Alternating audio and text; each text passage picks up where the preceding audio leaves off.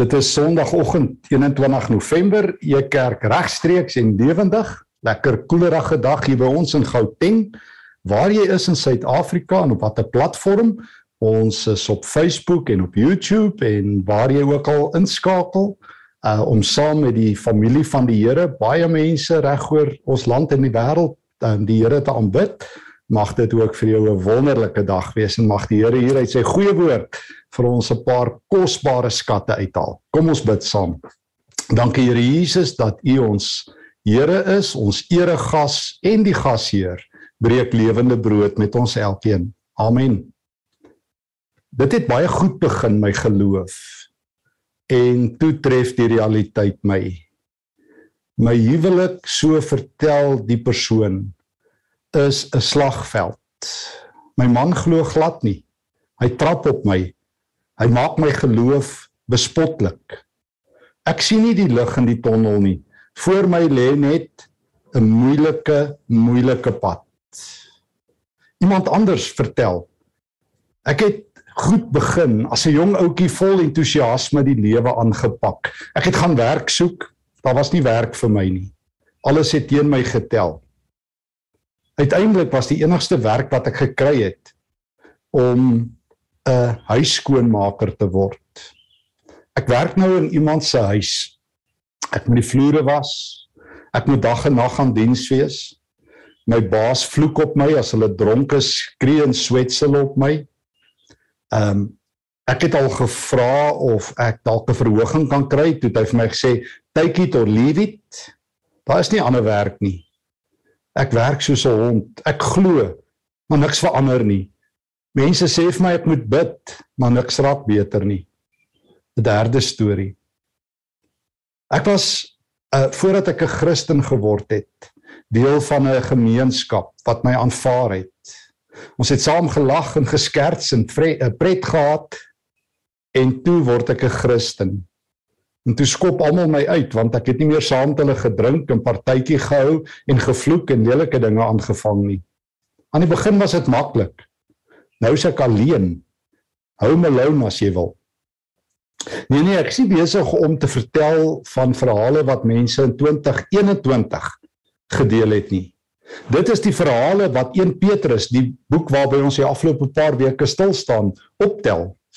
Ek lees in 1 Petrus 3 en ons kom nou weer terug daarna toe. Se eerste 7 verse van vrouens wie se lewens louter lyding geword het onder nie gelowige mans se juk wat hulle moet ly. Ek lees in 1 Petrus hoofstuk 2 vanaf vers 18 van mans wat bediendes, huishoudelike slawe moes word want daar was geen ander werk vir hulle as Christene nie dan word op hulle getrap. Ek lees in 1 Petrus 2 vers 12 hoe mense wat Christene geword het, sleg behandel word, beledig word, bespot word, die grap van die samelewing is. Onthou jy 1 Petrus is gerig aan 'n post 'n gepre-Christelike wêreld. Dis 'n wêreld waar 'n klompie mense daar in Asië aan wie hy hierdie briewe rig, hierdie brief van hom rig, um, waar mense tot geloof gekom het. En hulle het in die Here Jesus begin glo. En nou nou dat die pad van geloof langer en steiler en moeiliker raak, nou maak dit net nie meer vir hulle so baie sin nie. Die verhale, die realiteite van hulle lewe is een van hooploosheid, moedeloosheid, uitsigloosheid. Niks gaan beter raak in my huwelik nie. Niks gaan verander nie. Ek gaan nie werk kry nie. Ek is te jonk, te oud, te gekleurd, te ongekleurd, te wat se naam. Die wêreld raak toenemend 'n gevaarlike plek. Niemand steur aan my geloof nie. Mense stuur vir my teksies en sê ek moet net vasbyt en net glo dinge sal beter gaan, maar dit gaan nie. Petrus hoor daarvan. Hy skrywe die eerste Petrusbrief, so lees ek aan die einde in 1 Petrus 5, daar vers 13, vanuit Babylon. Nou Babylon is die skuilnaam vir Rome. Die Romeinse keiser Nero is aan die bewind. Hy is besig om sy messe te slyp om die Christene self uit te haal in Rome. Ek kom daarby. En nou as Petrus dit hoor, wat doen hy? Hy neem sy pen op en hy skrywe. Wat skryf hy? O, hy vertel vir Christene 'n ander verhaal. Hy nooi hulle opnuut na 'n ander verhaal toe, na Jesus se verhaal toe. Hy vra vir hulle om te bedank uit hulle storie. Hy skryf vir hulle, kan ek weer 'n paar gedeeltes saam met jou deurwandel in 1 Petrus. Hy skryf in 1 Petrus 1 vers 1 aan die uitverkorenes van God, vreemdelinge in die wêreld. Petrus sê ek het dit, I get it dat dit swaar is om 'n Christen te wees. Daar is geen daar was geen kontrak uitgereik dat die lewe van nou af sonskyn maklik, gelukkig en vol deurbrake gaan wees nie. In hierdie wêreld is julle vreemdelinge. Julle moet dit opnuut hoor. Maar, maar nou nooi Petrus jou en my en sy eerste lesers en alle lesers van hierdie brief na God se verhaal toe, sy ware verhaal. Vers 3 van 1 Petrus 1. Hy sê ouens, jy wat so harde huwelik het, jy wat 'n huishoudelike slaaf is, jy wat uitgeskop is, werkloos is, hooploos is, hoor 'n bietjie 1 vers 3. Aan God die Vader van ons Here Jesus Christus, kom al die lof toe. In sy groot ontferming het hy ons die nuwe lewe geskenk deur die opstanding van Jesus Christus uit die dood. Nou het ons 'n lewende hoop op die onverganklike, onbesmette, on en onverwerflike erfenis wat in die hemel ook vir julle in bewaring gehou word. En omdat julle glo, word julle ook deur die krag van God veilig bewaar vir die saligheid wat gereed is om aan die einde van die tyd geopenbaar te word. Verheug julle hieroor, selfs al is dit nodig dat julle 'n kort tydjie bedroef gemaak word deur allerlei beproewings sodat die egtheid van julle geloof getoets kan word. Petrus sê ouens, I get it. Ek het dit dat dit swaar is. Maar die een ding moet jy weet, jy moenie toelaat dat hierdie wêreld en jou omstandighede die bril word waardeur jy na die lewe kyk nie. Kan ek dit weer sê? Jy moenie toelaat en jy mag nie toelaat dat jou omstandighede en jou lewe die bril word waardeur jy na die lewe kyk nie. Jy mag nie toelaat dat ander mense se hooploosheid, die jongste krisisse in die land en in die wêreld, die hoofopskrifte word wat jy eerste lees en die langste onthou nie. Jy mag nie toelaat dat die hoofopskrifte van hierdie lewe dit wees wat jy eerste lees en die langste onthou nie. Jy is deel van 'n ander verhaal, 'n lewende verhaal, 'n werklikheid. God het jou nuwe lewe gegee. Jy is weergebore, sê Petrus, opnuut gebore. Jy het jou oë oopgemaak in 'n splinternuwe lewe in 'n nuwe wêreld waar Christus lewe aan jou gee. Ewige aanhoudende vir altyd lewe wat tot 'n ewigheid ander kan die graf en die dood gaan aanhou maar wat nou reeds 'n realiteit is en in hierdie lewe is dit God se krag wat jou staande hou. 1 Petrus 1 vers 5 God hou jou hand vas. God hou jou staande. Jy hoef dit nie te voel nie. Jy hoef dit nie te beleef nie. God stel dit as 'n feit aan jou. Sy krag bewaar jou. Sy krag dra jou.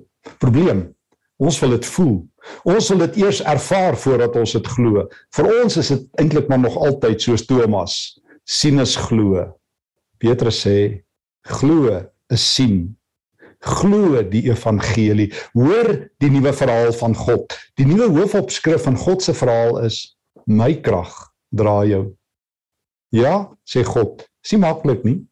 Petrus sê julle ly maar maar maar daar's 'n ander tekstuur in jou lewe. God se krag is by jou. Hy dra jou. Hy bewaar jou. Hy hou jou op koers. Is nie van jouself afhanklik nie Jy is in die hande van God. En daarom kan jy nou anderster lewe. En daarom moet jy nou anderster lewe. Daarom is jy nou geroep en kan ek weer aansluit by waar ons verlede week besig was by 1 Petrus um 2 vers 21. Jy is hiervoor as jy nou geroep omdat Christus vir jou gelei het en so vir jou 'n voorbeeld gestel het sodat jy in sy voetspore kan volg. Nou kom praat Petrus met die vroue wie se huwelike mynveld is met die mans wie se werk ehm um, swak is, hulle het nie geld nie, hulle ly moet Christene wat uit die samelewing geban en geskop is. Luister ouens, jy is geroep om Jesus se voorbeeld te volg. Ons het baie voorbeelde in die lewe en lyk vir my mense volg dit blindelings ook in Suid-Afrika. Uh twee ouens voor jou stop nie by 'n verkeerslig nie, dan volg jy hulle voorbeeld. Drie ouens by die werk vloek en swets, dan volg jy hulle voorbeeld. Wie het gesê ons moet die wêreld se voorbeeld volg? Wie het gesê die laagste gemeene deler moet jou en myne word? Wie het gesê as mense vloek en swets dat ek gevrywaar is om Jesus se voorbeeld te volg? Keer op keer staan ek verstom hoe maklik Christene die wêreldse standaard aanvaar. Af degenereer na die wêreld toe. Selfs wanneer jy 'n slaaf is, selfs wanneer jou huwelik 'n mynveld is soos die vroue beleef in 1 Petrus 3 selfs wanneer jy werkloos is en dit lyk asof hoop geloop het geëmigreer het pad gegee het jy's hiervoor word jy geroep na die voorbeeld van Jesus na die standaard van Jesus jy word geroep om op te gradeer want jy is deel van sy verhaal die vraag is nie of dit maklik is nie die vraag is of dit reg is so wie is jou voorbeeld Meeste mense sê hulle ouers is hulle voorbeeld. Ek ook. Ek het wonderlike ouers gehad wat my in die weë van die Here onderrig het. Dank God. Maar die Bybel roep my nie op om my ouers se voorbeeld heel eers te volg nie. Die Bybel roep my op volg Jesus. Volg Jesus. Volg in sy voetspore. Kyk waar lê Jesus se voetspore in die lewe en dan loop jy daar. En nou nou gaan ons vir mekaar vra nou maar hoe prakties. Wel, Petrus leer vir my hoe doen ek dit prakties in 1 Petrus hoofstuk 5. Dan gaan ons so 'n paar tekste agteruit lees. Hy sê in 1 Petrus 5 vers 6: Onderwerp julle in nederigheid aan die kragtige hand van God sodat hy julle kan verhoog op die tyd wat hy bestem het. Werp al julle bekommernisse op hom want hy sorg vir julle. Het jy gehoor? Petrus sê onderwerp jou stel jou onder God onder God onderwerp jou in nederigheid weet jy wat doen jy as die lewe hard is weet jy wat doen jy as die lewe sag is? Weet jy wat doen jy as die lewe maklik is? Weet jy wat doen jy as die lewe omgekrap is? Dieselfde. Jy volg Jesus. Wanneer? Altyd. Oral. Elke dag. Hoe? Jy begin elke dag deur jou te onderwerp aan God. Die Bybel roep my nie eerste plek op as ek bid om um, vra vir God te vra en om te bid vir deurbrake nie. Gebed se heel eerste funksie is om my elke dag te onderwerp aan God. Om tot rus te kom by God, om tot bedaring te kom by God, om my ondergeskik aan hom te stel. Ek dink 90% van mense se frustrasie met gebed is juis omdat hulle hierdie punt mis dat gebed se hoë vrede is om net by God te wees, by hom te wag, by hom te rus, by hom klein te wees, by hom klei in sy hand te wees, by hom soos 'n klein kindjie te wees wat rus gevind het. Dan sal hy jou verhoog op die tyd. En dan kan jy al jou bekommernisse op hom gooi, letterlik werp, aan sy voete neergooi. Here, U weet. Ek weet nie. U verstaan, ek verstaan nie. U het die pad, ek het nie die kompas nie. U het die roete, ek is die verdwaalde. U het die krag, ek is kragteloos. U het die lewe, ek is leweloos. U het hoop, ek is hooploos. U staan, ek is die gevallene. En daarom werp ek alles op U. Dis waar dit begin. So, Ons sluit aan by Petrus wat vir ons gesê wat waar mense vir hom sê die vroue, die slawe, die Christene, die lewe is verskriklik hard. Petrus sê I get it. Maar kom ek herinner julle aan die verhaal wat in julle lewe nou afspeel, die verhaal van God, die nuwe hoofopskrifte. God het julle lief, God hou julle vas. Die nuwe hoofopskrif.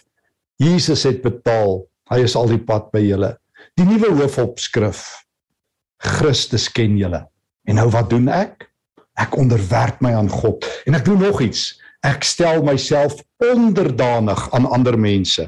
Hoor net wat sê Petrus in 1 Petrus 5 vers 5. Julle wat jong is, jonk is, moet aan ouer mense onderdanig wees. Almal moet trouens teenoor mekaar nederig wees en mekaar help.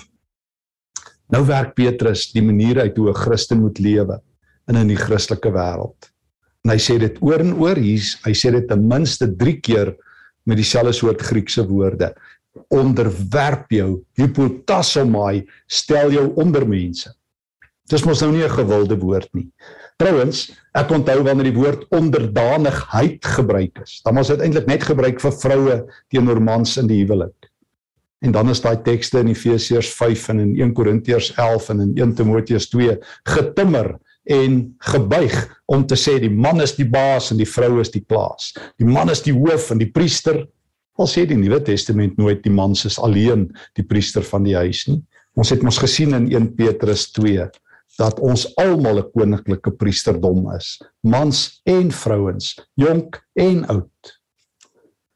Dis jammer dat ons die woord onderdanigheid verloor het. Hypotasomai beteken ek stel myself onder iemand vrywilliglik om hulle te dien, om hulle plek op my skouers te gee, om hulle op te tel hoër sodat hulle beter uitsig het op God as ek self. Nee, is nie 'n vloerlap nie. Dis nie klap my hier en klap my daar en sien daar nie. Dis nie ek het geen persoonlikheid nie. Dit is juis om myself te kruisig. En dis die roete van 'n Christen mag ek waag om te sê onderdanigheid is die mees vergete woord in die Christendom. O, ons soek krag, ons soek deurbrake. Die die beste troos waarmee ons mekaar kan troos is toe maar die Here is by ons en die Here weet. Maar ons leer min kere vir mekaar. Maar die Nuwe Testament leer hoe om in 'n nie-Christelike wêreld te oorleef en voluit te leef. En weet jy wat sê Petrus? Vir mense wat nog meer ly as ons. Weet julle wat moet julle doen? Jy wat jonk is. Jy wat ehm um, die lewe nog voor jou het, wat nou graad 12 geskryf het, wat sê wat lê vir my voor? Weet jy wat moet jy doen? Dit gaan nie net oor jou sogenaamde bucket list wat jy moet haal nie om al jou drome waar te maak nie. Weet jy wat droom God vir jou? Dat jy 'n lewe sal hê van opkyk na ander mense. Ons het verlede week vir mekaar herinner aan Filippense 2 waar Paulus sê die een moet die ander een hoër ag as homself en haarself. Leer jou nek die gewoonte aan om op te kyk. Leer jou simbolies aan om elke mens met wie jy te doen het om in jou gees op te kyk na hulle. Om hulle groter as jouself te sien om jouself te sien as iemand wat tussen reuse loop. En ek hoor hoe sê mense nou alweer, ja, maar kyk hoe lewe mense in Suid-Afrika. Jy kan dit nie regkry nie. O, so moet ek dan nou God se standaard nie verkondig nie? Is dit wat ek dan nou vra vir iemand wat dit sê? Beteken dit omdat jy met moeilike mense te maak het met God se standaarde verval? Beteken dit God se woord word dan nou ewe skielik 'n spyskaart en dan sê jy Here, nee ek sien nie nou tans in Suid-Afrika kans om op te kyk na mense nie. As ons uh, ons familie wat in Australië bly kan dit dalk doen waar dit nou meer beskaafd is, soos iemand vir my al gesê het in die verlede. Nee nee nee, Petrus praat met jong mense. Hy sê kyk op en dan praat hy met ouer mense. Dit geld vir julle ook. Kyk op na alle mense, na alle mense. Nee, dit beteken nie as ek met dwaase te doen het en 'n dwaas gaan van 'n berg af spring, dan sê ek ek sal jou afstamp nie. Nee, dit beteken nie as 'n misdadiger sy pistool belaai, dan moet ek opkyk en sy pistool gaan laai nie. Daar's daarom iets soos wysheid en dwaasheid ook. Maar die basiese Christelike lewe is 'n lewe van opkyk. En nou begin Petrus met die vroue praat terug na 1 Petrus 3. Wie se lewens louter hel is. Wat sê hy vir hulle? Slaan jou man met 'n koekroller? Inteendeel. Vrouens, julle moet aan julle man onderdanig wees. Nee, nie omdat jy die vloerlap is, niemand jou man vir die Here wil wen.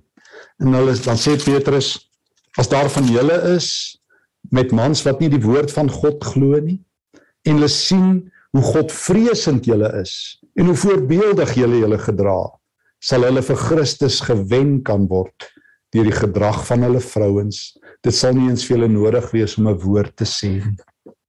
Nee, Petrus sê nie dis 'n doel op sigself nie. Ek kom onder mense hulle in om hulle te respekteer met die liefde van Christus. Nie is nie maklik nie. Ek het al genoeg kere in my lewens te doen gehad met mense wat stikkende huwelike het. Wie se huwelike soos mynvelde en slagvelde lyk, waar mans soos opperste buffels optree. Nee, en Petrus sê nie as jou man jou fisies mishandel, jy moet dit maar vat en laat hy jou slaan nie. Dit sê hy nie. Jy moet nie dit hoor nie. Maar hy sê in 'n huwelik waar een 'n gelowige is en die ander nie, sê hy moet daar moet daar 'n ander tekstuur in daai huwelik ingebring word. Christus se liefde en sagtheid moet in so 'n huwelik ingebring word. En wie weet, net op 'n dag verander so 'n man. Ek het al met mans gesels wat deur hulle vrouens se lewens by die Here uitgebring is. Ek onthou 'n vrou wat 'n ruk gelede vir my vertel het hoe haar man die Here gevind het en elke Vrydag aand nou die Bybel lees. Sy ver, sy het vertel hoe hy vroeër Vrydag aande saam met sy pelle met die kanne in die hande gekuier het en saam met 'n man met die naam Johnny Walker geloop het en gehardloop het. Ek weet nie wie dit is nie, maar dit was sy beste vriend. Maar toe red die Here hom en hy het na die tyd gesê, weet jy, my vrou het dag en nag vir my gebid. Toe ek op haar gevloek het, het sy nie teruggevloek nie. Toe ek haar geloof bespotlik gemaak het, het sy my nie terugbespot nie in sagtheid en in nederigheid het sy gebid. Daar is deurbrake en daarom sê die is daarom sê Petrus dis die roepe roete. Jong mense onderdanig ouer mense onderdanig huweliksmense onderdanig ter wille van Christus stel ek my onder mense. En daarom ook bediendes julle wat bediendes is 1 Petrus 2 vers 18 onderwerp julle met die nodige gesag aan julle werkgewers of hulle goedhartig of vriendelik is of onredelik. Dit is genade as iemand die pyn van onverdiende lyding verduur omdat hy aan God getrou wil wees. Vers 21 weer 'n keer. Jy's hiervoor is jy ook geroep omdat Christus self vir julle gelei het en vir julle 'n voorbeeld gestel het sodat jy in sy voetspore kan volg. Ek weet dis nie maklik nie. Dis vir my swaar. Ek moet bely ek het tyd keer al gevoel ek sal liewers vir iemand wou verduidelik uh, op 'n skerp manier en ek het ook al wat ek eintlik moes gedien het. Dan het ek 'n brug gebrand. Onderwerp jou. Ek sê weer dit beteken nie onderwerp jou aan dwaase en kriminele nie, maar onderwerp jou in nederigheid. Het jy 'n harde baas wat jou vloek en swets? Dien hulle. Loop 'n tweede myl met hulle. Beteken dit jy moenie eerlik met hulle wees nie as hulle sonde doen maar net stil bly? Nee. Maar dan bid jy vir wysheid om hulle reg aan te spreek. Dit beteken nie jy teken af op ander mense se sondes. Jy teken af op 'n huweliksmaat wat sonde doen se sondes nie of op 'n baas wat bedrog pleeg se bedrog nie. Dis nie wat Petrus sê nie, maar hy sê jy leef met die liefde van Christus oop na hulle toe met 'n oop hand, nie met 'n gebalde vuis nie, met 'n dienende gees, nie met 'n opstandige gees nie. Jy onderwerp jou Dit beteken nie jong mense vat alle nonsens van ouer mense nie, want party ou mense kan maar met nikke oud word. Maar dit beteken jy dien hulle na die Here toe. Onderdanigheid is die groot pad vir 'n Christen. En Petrus het die hoop dat 'n so verrassende nuwe leefstyl die wêreld sal verander. En daarom sê ook um, in 1 Petrus 2 vers 11 wanneer hy uitgeskop word en uitgestoot word, Dan sê hy in vers 11 geliefdes, julle moet onthou, in die wêreld is julle vreemdelinge en bywoners. Daarom dring ek by julle aan om nie aan julle sinnelike begeertes toe te gee nie. Dit verwoes mense lewe. Gedra julle altyd goed onder heidene, sodat al praat hulle kwaad van julle asof hulle misdadigers is, hulle julle voorbeeldige lewe kan sien en God kan verheerlik op die dag van afrekening. Die roete vir 'n Christen in 1 Petrus is om jou te onderwerp aan Jesus. Jonk aan oud en oud aan jonk. Vrouens aan mans en mans aan vrouens.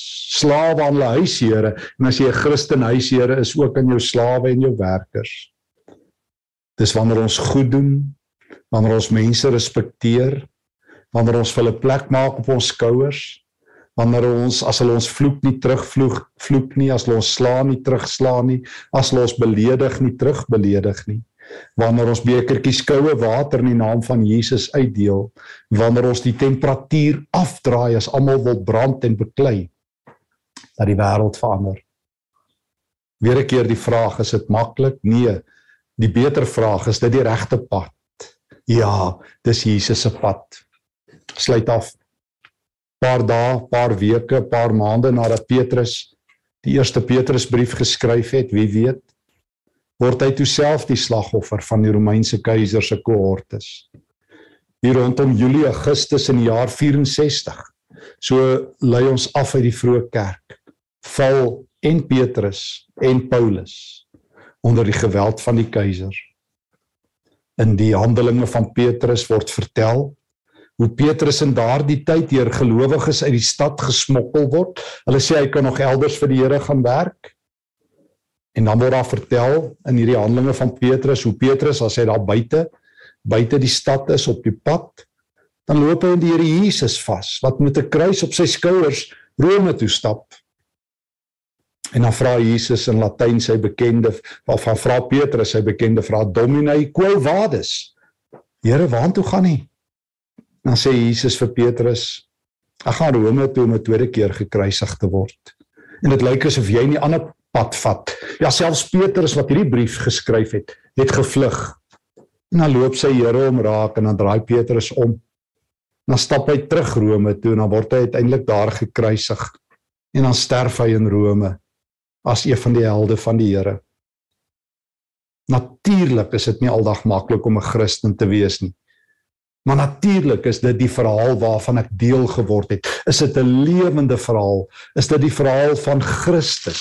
Is dit die verhaal van God wat vir my uitroep: "Verheug julle hieroor, al word julle 'n kort tydjie bedroef gemaak." 1 Petrus 1 vers 6, sodat die egtheid van jou geloof getoets kan word. Kry jy swaar? Dis toetstyd gaan dit goed met jou? Dis toetstyd. Verheug jou dat Jesus dit jou gun om saam met hom te loop. Onderwerp jou in nederigheid aan die Here en aan ander mense. Loop op die hakke van Jesus want hiertoe is jy geroep. Hoor die Here se woord. Amen. Dankie Here vir hierdie skerp woorde van Petrus, maar wat ook trooswoorde is. Leer my om die kruis te dra om om agter die aan te stap, Here Jesus, want hiervoor is ek geroep om die kruis te dra, om u toetse te slaag. Here, ek bid vanoggend vir mense wat harde huwelike het. Ek bid vir mense wat baie swaar kry by hulle werk, wat baie karige werk het. Ek bid vir mense wat geen werk het nie. Ek bid Here vir mense wat uitgeskop is en moedeloos is. Here Jesus gee dat hulle deel opnuut sal word van u verhaal.